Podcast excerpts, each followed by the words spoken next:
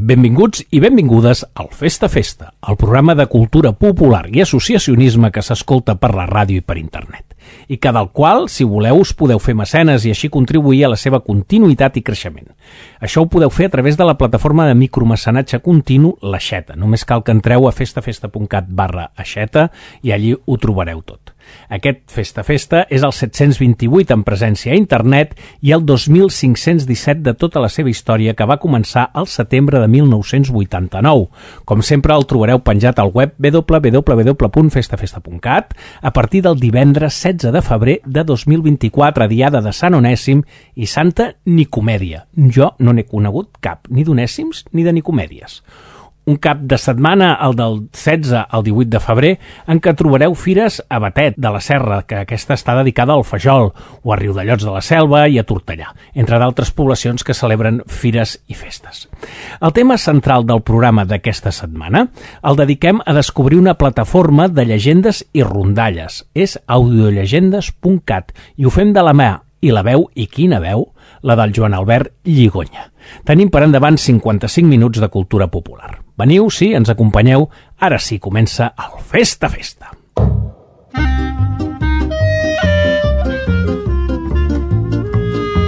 Festa, festa. Cultura popular i associacionisme a la ràdio i a internet.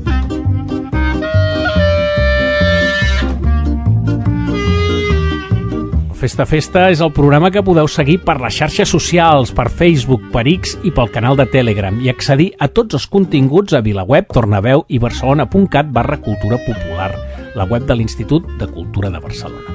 També podeu escoltar el programa per les aplicacions de podcast, d'Apple Podcast, Google Podcast, Spotify i Overcast. I sigueu també molt benvinguts els que ens escolteu des dels vostres aparells de ràdio, des de les emissores que setmana a setmana ens programeu i ens feu confiança. Com cada cap de setmana ens espera l'actualitat del Tornaveu, les seccions dites i refranys, un va de joc, unes cançons picants, les aventures del rector de Vallfogona, el vagi de gust i escoltarem la cinquena eliminatòria de la sardana de l'any. Ja estem a l'equador de les eliminatòries i tot ben amanit amb temes musicals. Ara marxem cap a Mediona, que ens espera el Joan Albert Lligonya i les audiollegendes.cat. Festa, festa. amb Amadeu Carbó. Quantes vegades els que ens dediquem a la cultura popular i que parem una atenció especial a les llegendes i a les rondalles no hem imaginat una pàgina web on trobar-les geolocalitzades i explicades. Doncs ja no cal imaginar més, perquè l'anhelada i somiada pàgina ja existeix i la trobareu a audiollegendes.cat. Només cal entrar i començar a gaudir del que pacientment va recercant, enregistrant i geolocalitzant en Joan Albert Lligonya. I quan l'equip del Festa Festa vàrem descobrir audiollegendes.cat ho vàrem tenir molt clar, que ho volíem saber tot d'aquesta iniciativa i per això hem anat a Mediona per trobar-nos amb en Joan Albert Lligonya.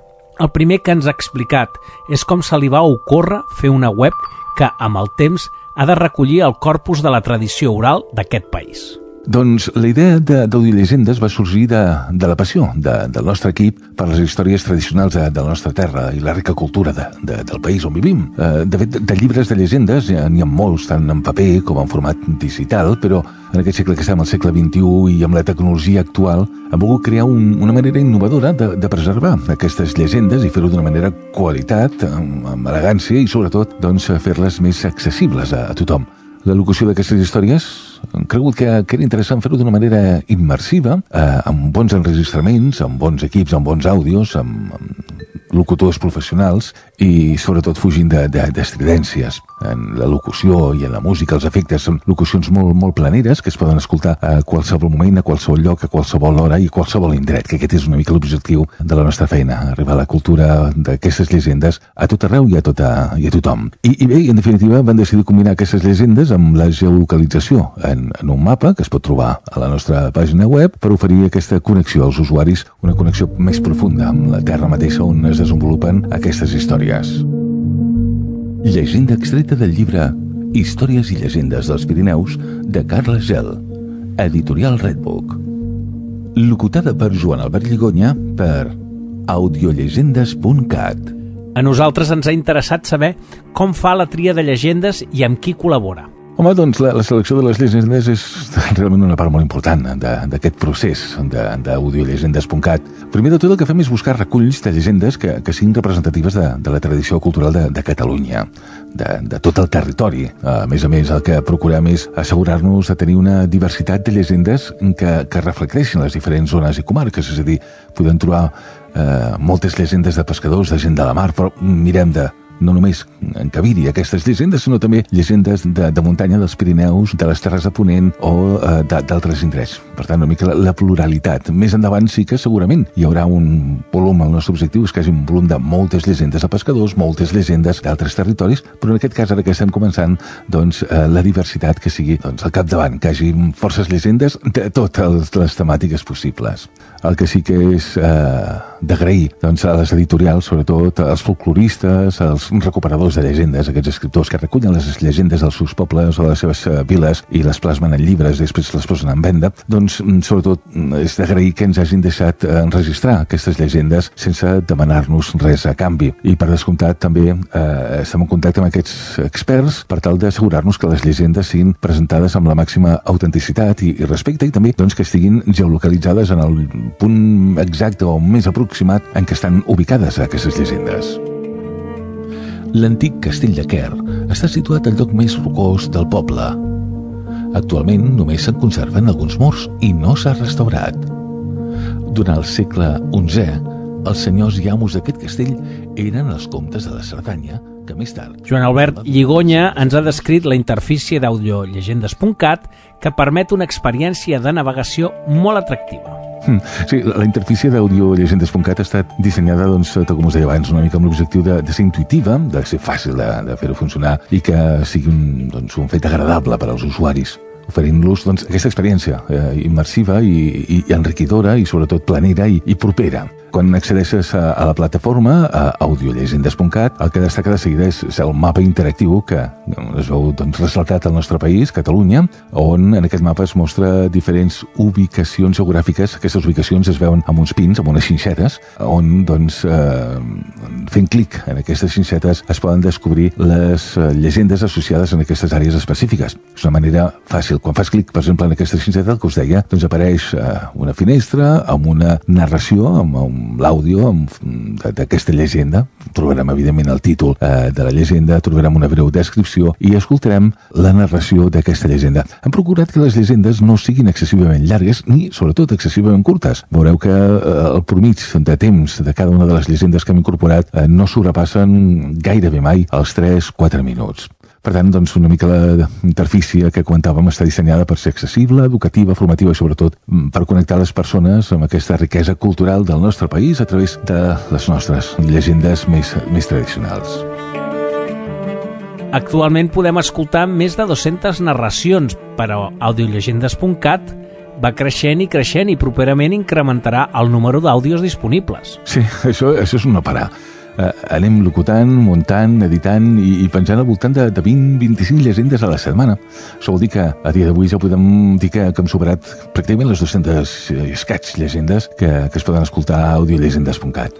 I a mesura que passa el temps, i a més gràcies a, a gent com, com vosaltres, eh, que ens feu ressò trobem més col·laboradors que ens envien les llegendes del seu poble o el seu entorn geogràfic perquè les, eh, les enregistrem i això realment és, és d'agrair, és una feina que ens ajuda i ens agrada moltíssim a fer doncs, aquest treball de difusió d'aquest patrimoni cultural de, del nostre país. I, I en aquest moment el que fem són, bueno, continuem explorant llegendes relacionades potser amb indrets menys, menys coneguts a Catalunya, eh, amb la intenció de descobrir històries que podrien potser no ser tan familiars com per a molta gent.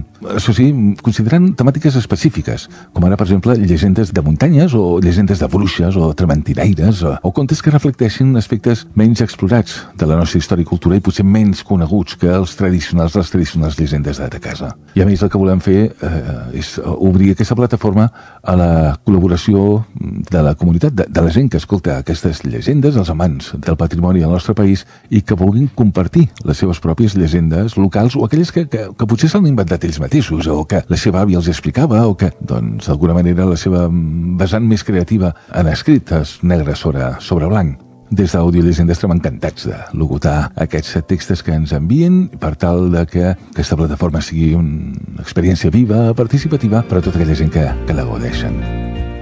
La llegenda parla d'una època d'inestabilitat política, sense situar exactament el moment històric en què hi havia tropes especials que reforçaven els exèrcits. Un detall interessant d'audiollegendes.cat és que els usuaris de la pàgina es poden convertir en prescriptors i proposar llegendes. Joan Albert Lligonya ens explica com. Sí, una mica el que dèiem, la, la participació dels usuaris és una part fonamental de, de la nostra plataforma i, i de fet, com us dèiem, estem oberts a rebre i compartir aquestes llegendes de, de la nostra comunitat. A més a més, és una manera molt fàcil de, de fer-nos-ho arribar. De, si un usuari té una història que vol compartir amb la resta de, de, dels oients d'audiollegendes.cat, doncs el mecanisme és molt senzill. Simplement es poden posar en contacte amb nosaltres a través del correu electrònic info arroba audiollegendes.cat. De fet, a la nostra pàgina web ja hi ha un apartat on facilitem aquest procés de posar-se en contacte amb nosaltres. L'equip d'Audiollegendes es llegeix, eh, valora el text que, que ens envien i de ben segur si té cabuda, doncs en breu ho locutem, ho pengem i ja està a disposició de, de la comunitat. Una funcionalitat que no només permet als usuaris ser participatius en aquesta creació de contingut, sinó també que, que ajuda en certa manera a preservar històries locals i tradicionals que podien eh, haver-se perdut eh, en el temps. De fet, ens encoratja molt veure com la comunitat s'implica i comparteix la seva riquesa cultural a través d'audiollegendes.cat. Tot Catalunya quedava ja neta de moros havien estat expulsats de tot arreu, llevat de Tortosa. Moltes gràcies, Joan Albert Lligonya, per entendre els micròfons del Festa Festa i desitgem llarga vida a audiollegendes.cat i tots els èxits del món per aquesta iniciativa. Molt bé, moltes gràcies a vosaltres per eh, obrir-nos aquesta finestra i ja ho sabeu, a disposar per qualsevol cosa que preciseu. Que vagi molt bé. Nosaltres continuem amb el programa. Festa, festa! I arribem al moment d'escoltar un primer tema musical. Us proposem escoltar un tema del treball Udols, de l'Alba Careta i l'Enrio, que és un projecte que va néixer a redós del Cantut i que eh, precisament el dimecres 21 de febrer es presentarà a l'auditori. Eh, ho fan de la mà de, del Festival Barnassans i del Tradicionarius, que, doncs, que portaran a la sala 3 de l'Auditori de Barcelona aquest projecte de la trompetista i cantant de jazz. Nosaltres d'aquest treball, Udols, escoltarem Tam Patatam Pauleta, amb l'Alba Careta i l'Enrio. Mm.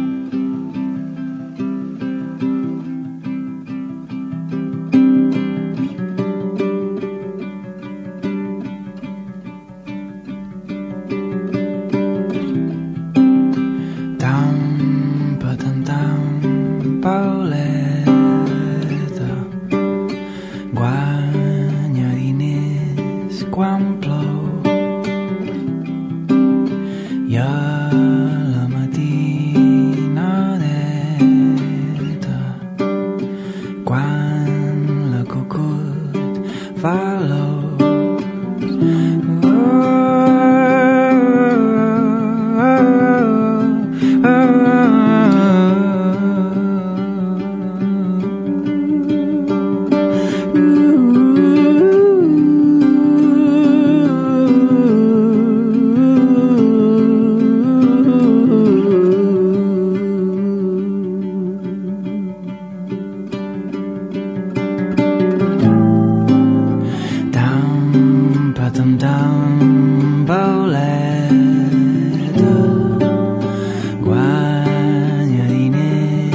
Guamblao.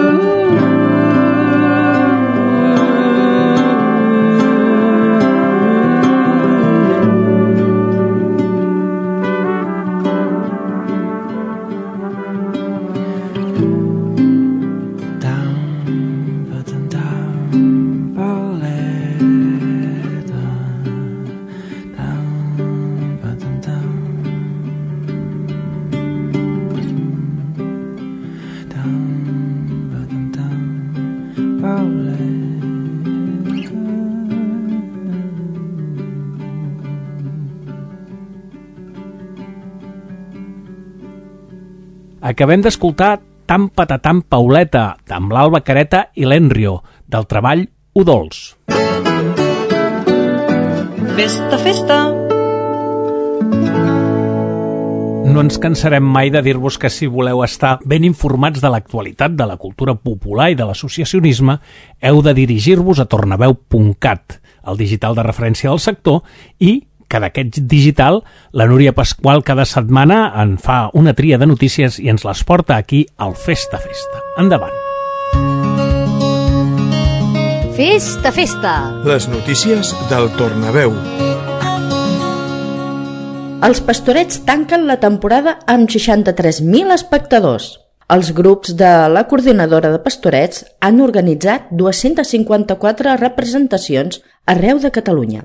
63 grups de pastorets en actiu que formen part de la coordinadora de pastorets de Catalunya han sumat un total de 63.000 espectadors entre les 254 funcions programades a 52 municipis del país. En total, 6.600 participants, d'equips artístics i tècnics, han fet possible els pastorets.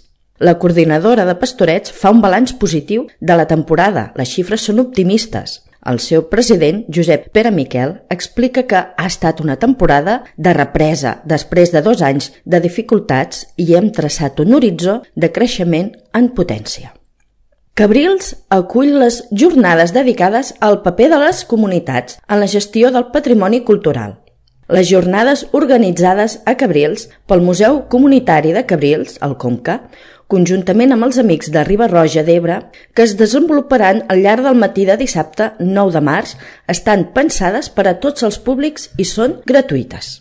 Sant Cugat s'omple altra vegada de sardanes el 25 de febrer. La capital de la sardana, 2023, celebrarà la festa anual de les colles sardanistes i una ballada a les 12 del migdia. I a les 7 de la tarda ha programat un concert dedicat a la sardana al Teatre Auditori Sant Cugatenc. L'entrada és gratuïta i les reserves per entrar al Teatre Auditori les podeu fer a www.tasantcugat.cat. I fins aquí les notícies del Tornaveu. Gràcies, Núria Pasqual, per aquestes notícies del Tornaveu i fins la setmana que ve. Festa, festa! I arribem a la cinquena eliminatòria de la Sardana de l'any. Recordem que és un concurs radiofònic de participació popular on els oients voten les sardanes estrenades, en aquest cas, aquesta edició, la del 2023, i que competeixen per arribar a un concert final. Aquest any el concert final de la sardana de l'any, aneu fent agenda, serà el dissabte 25 de maig a l'Auditori August del Palau de Congressos de Tarragona. I ara toca doncs, escoltar aquesta cinquena eliminatòria i, com sempre, ens la presenta la Mercè Herrero. Som Sardana presenta la Sardana de l'any. Cinquena eliminatòria. Sardana número 1, Castell Berguedà, d'en Lluís Gual, cobla principal del Llobregat.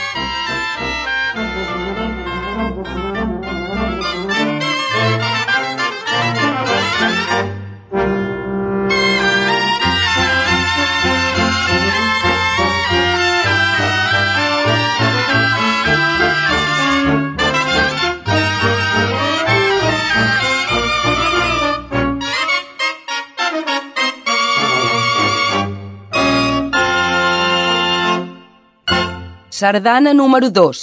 Els primers 25, d'en Francesc Picard. Cobla principal de la Bisbal.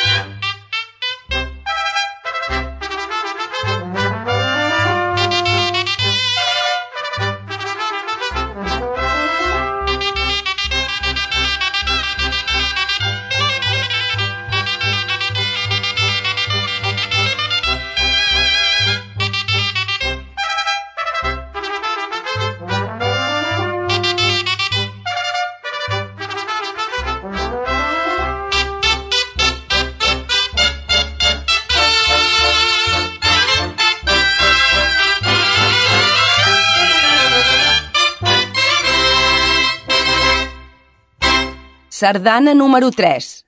Jovent de futur, d'en Dani Gasulla. Cobla principal del Llobregat.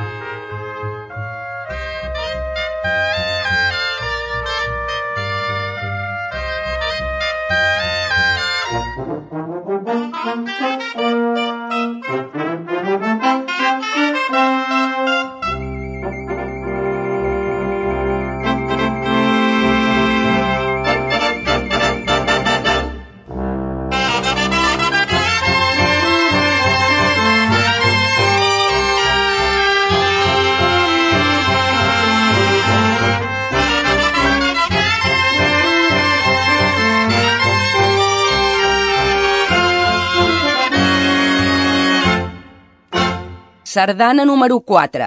El carrer del Pi, de Jordi León. Cobla principal del Llobregat.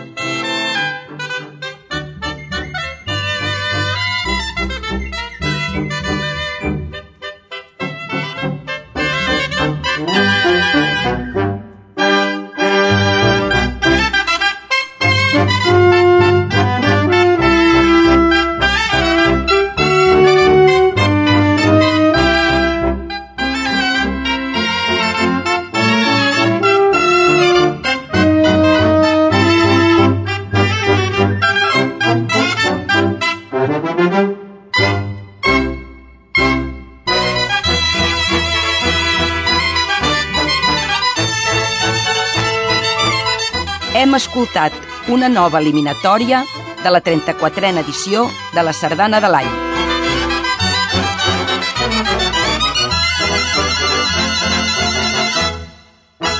Moltes gràcies, Mercè Herrero, i fins la setmana vinent. Ja hem passat l'equador de les eliminatòries, ja només en queden 5. Recordeu a tots els que ens escolteu, nosaltres us animem a que ho feu, que voteu i participeu. I per fer-ho heu d'entrar al web lcda.cat, repeteixo, lcda.cat, i allí podreu tornar a escoltar les sardanes i votar la que més us hagi agradat. Festa, festa! Com cada setmana anem cap a Vallromanes on ens està esperant en Víctor Pàmies amb les seves dites i refranys. Aquesta setmana passar la mà per la paret.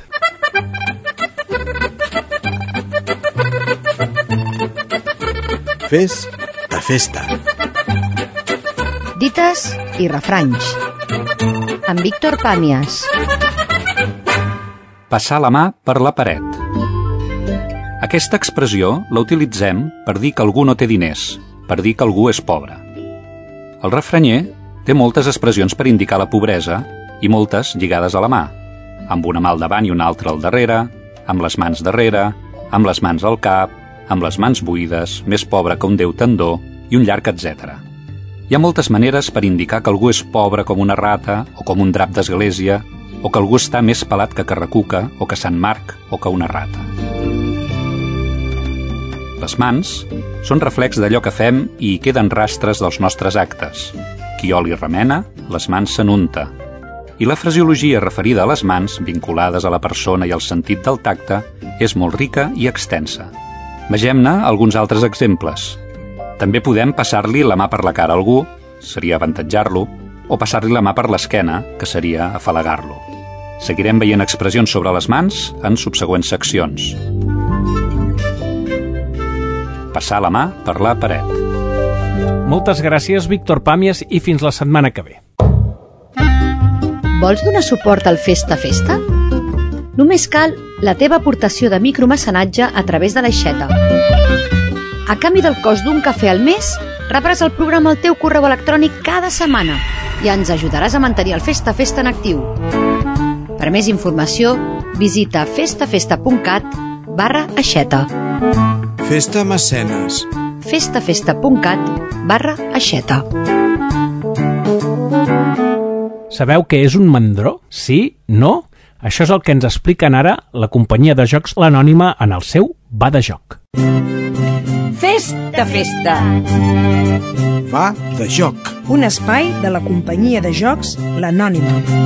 Escrit i presentat per Víctor Baroja Cèlia Miró. i Òscar Garcia. Juga amb nosaltres.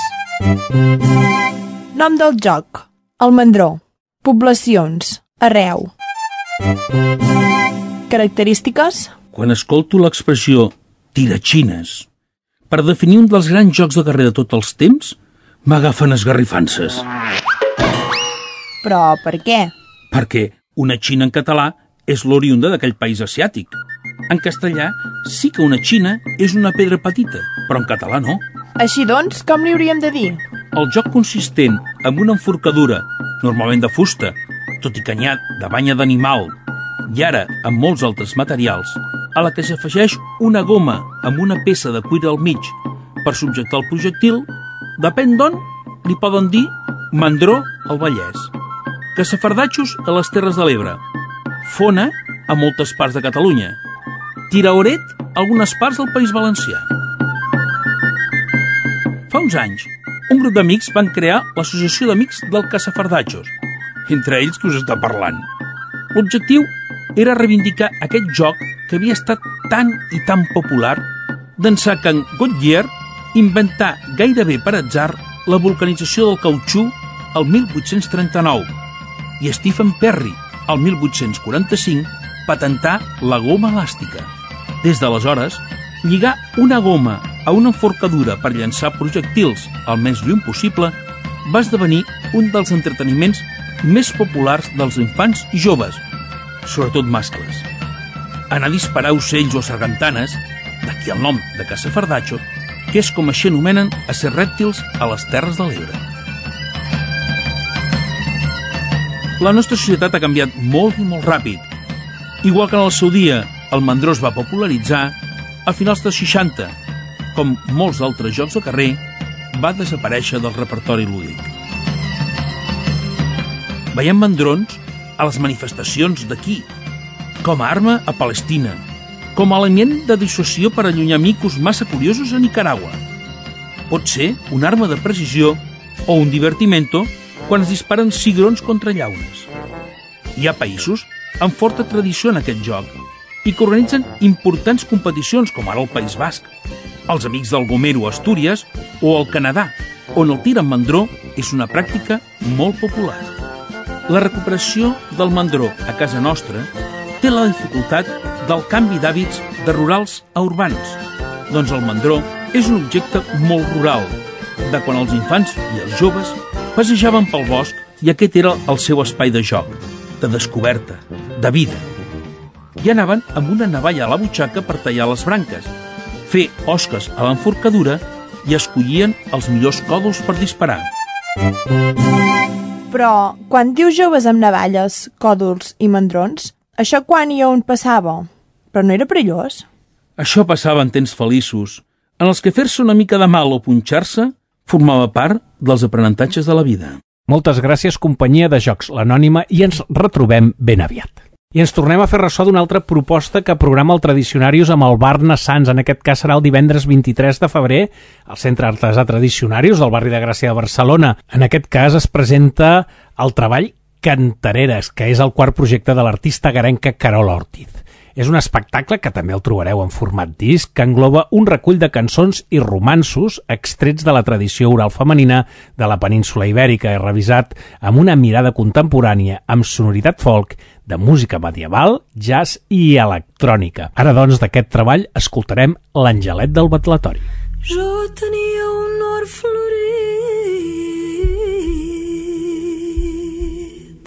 Jo tenia un or florit De clavells i de sotgenes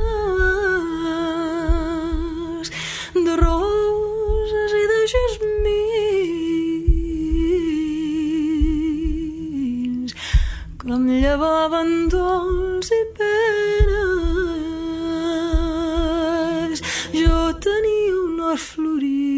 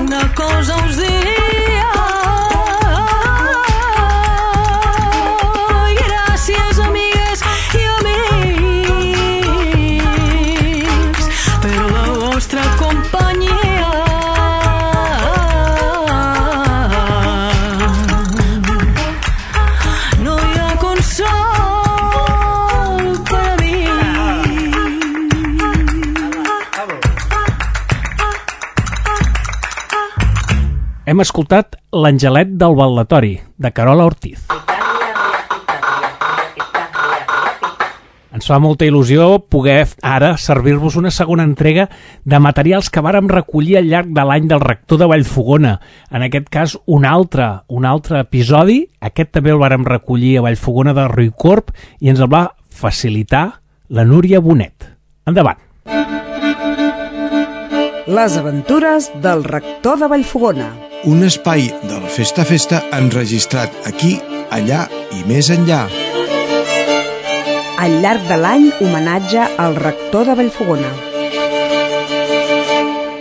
Em dic Núria Bonet i bueno, jo sóc mig-mig, sóc mig del poble de l'Ametlla perquè el meu padrí era d'allà i la meva padrina Angelina era d'aquí Vallfogona. O sigui que sóc una mescla dels dos pobles. I bueno, aquí tinc preparat una llegenda del rector que la, la va recollir el Joan Amades del Marian Vergés, un barber de Vic, l'any 1910. El rector de Vallfogona tenia una neboda molt gallarda i no la volia pas deixar casar.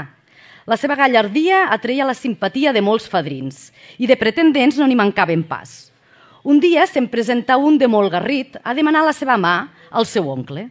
El rector li digué que la hi donaria si demostrava ser ben valent i li proposà que aquella nit havia de fer el mort, posat dintre d'una caixa i damunt d'un túmul al mig de l'església de Vallfogona, com era costum de fer en altres temps de dur els difons al temple, així que morien, i fins que se'ls havia d'enterrar. A la poca estona es presentà un altre fadrí amb el mateix objectiu, i el rector també li proposà sotmetre'l a un examen de valentia. I li digué que la nit següent havia de vetllar un mort a l'església i no moure's, passés el que passés.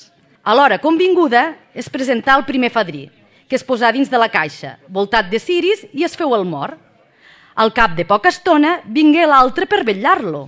A mitjanit el rector s'embolicà amb un llençol i com si fos un fantasma es presentà a fer por als dos fadrins, que en veure'l van fugir esperitats. Quan van ser al carrer més morts que vius, els fadrins es van parlar i es van adonar de la passada que els hi havia fet el rector de Vallfogona. Aleshores, van comprendre que el fantasma devia ser el mateix rector i, avinguts amb altra fadrinalla del poble, li van inventar una solemne pallissa. I diuen que d'aquesta anècdota, de tot això que va passar, ve el conegut refrany riures del mort i de qui el vetlla. Aquesta llegenda la podeu trobar al llibre del Joan Amades a la pàgina 43.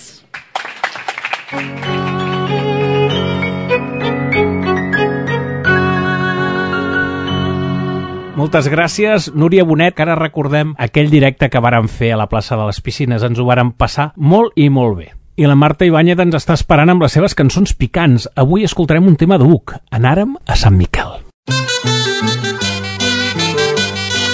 Festa, festa!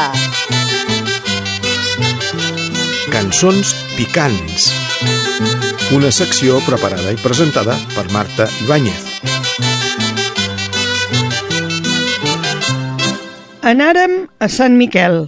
Aquesta cançó es va donar a conèixer fora dels seus límits inicials, l'illa d'Eivissa, amb el grup UC, format el 1973 per Joan Marí, Joan Moreno, Isidor Marí i Victorí Planells.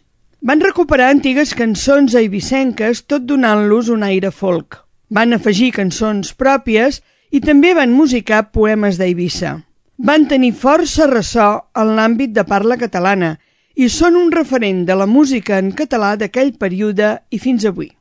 La cançó d'avui conté un puntet picant cap al final quan els joves van a buscar muller i la mare de les noies els fa propaganda de les filles.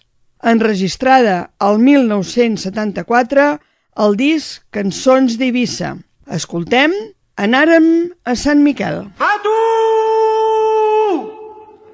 Ja!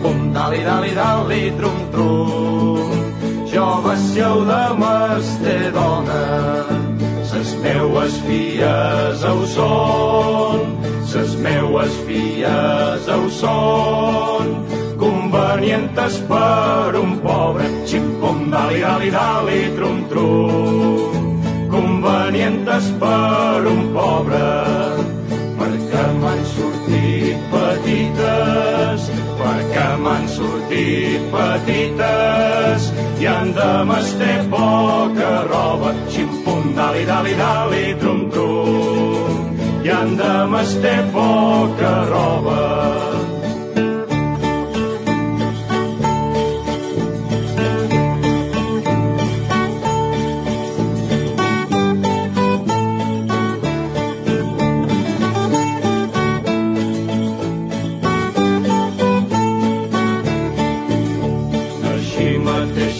També tenen, així mateix també tenen alguna altra cosa bona, xim-pum, dali, dali, dali, trum, trum, alguna altra cosa bona. Sa cosa no vola dir, sa cosa no vola dir, però ja hi deveu pensar-hi, xim-pum, dali, dali, dali, trum, deveu pensar-hi. Tal volta valtros teniu, tal volta valtros teniu, a jugar i de posar-hi, xim-pum, dali, dali, dali, trum, trum. de jugar i de posar-hi. I hem escoltat Anàrem a Sant Miquel del grup UC.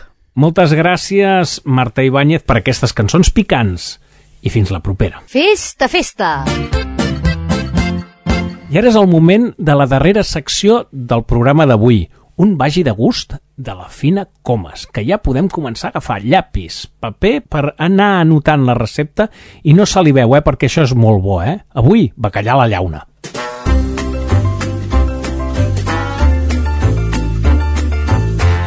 Que vagi de gust.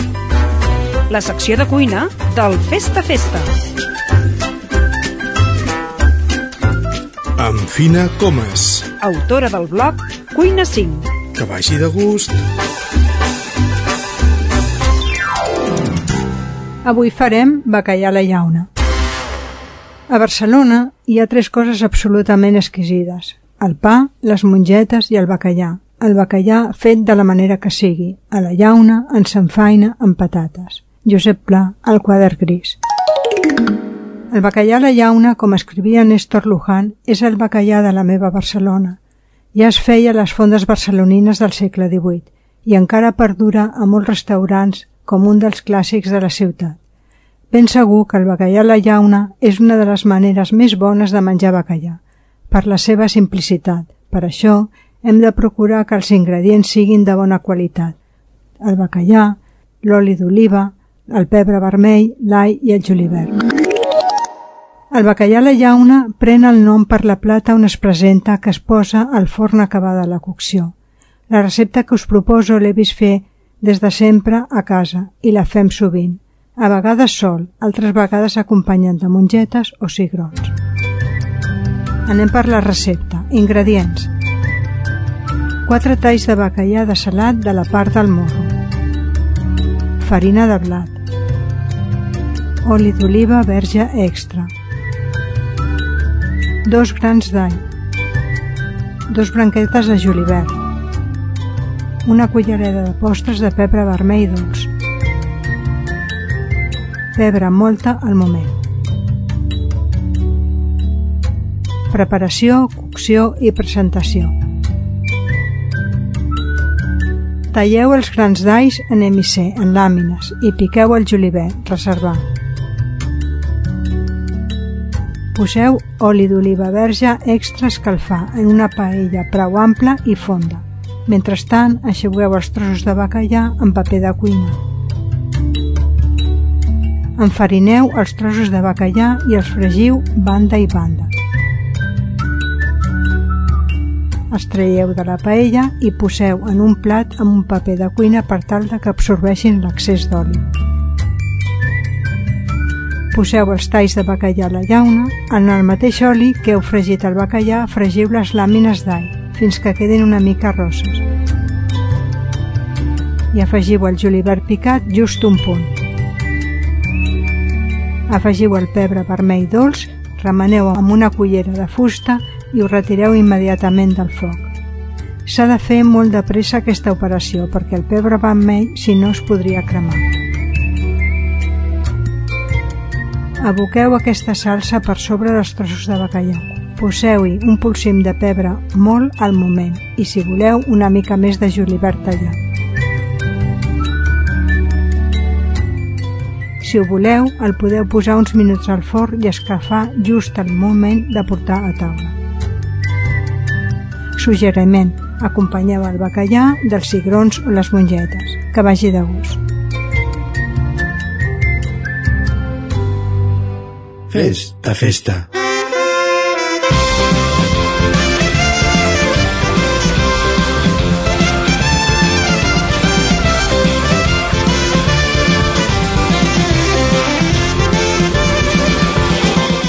El Festa Festa 2517 s'acaba.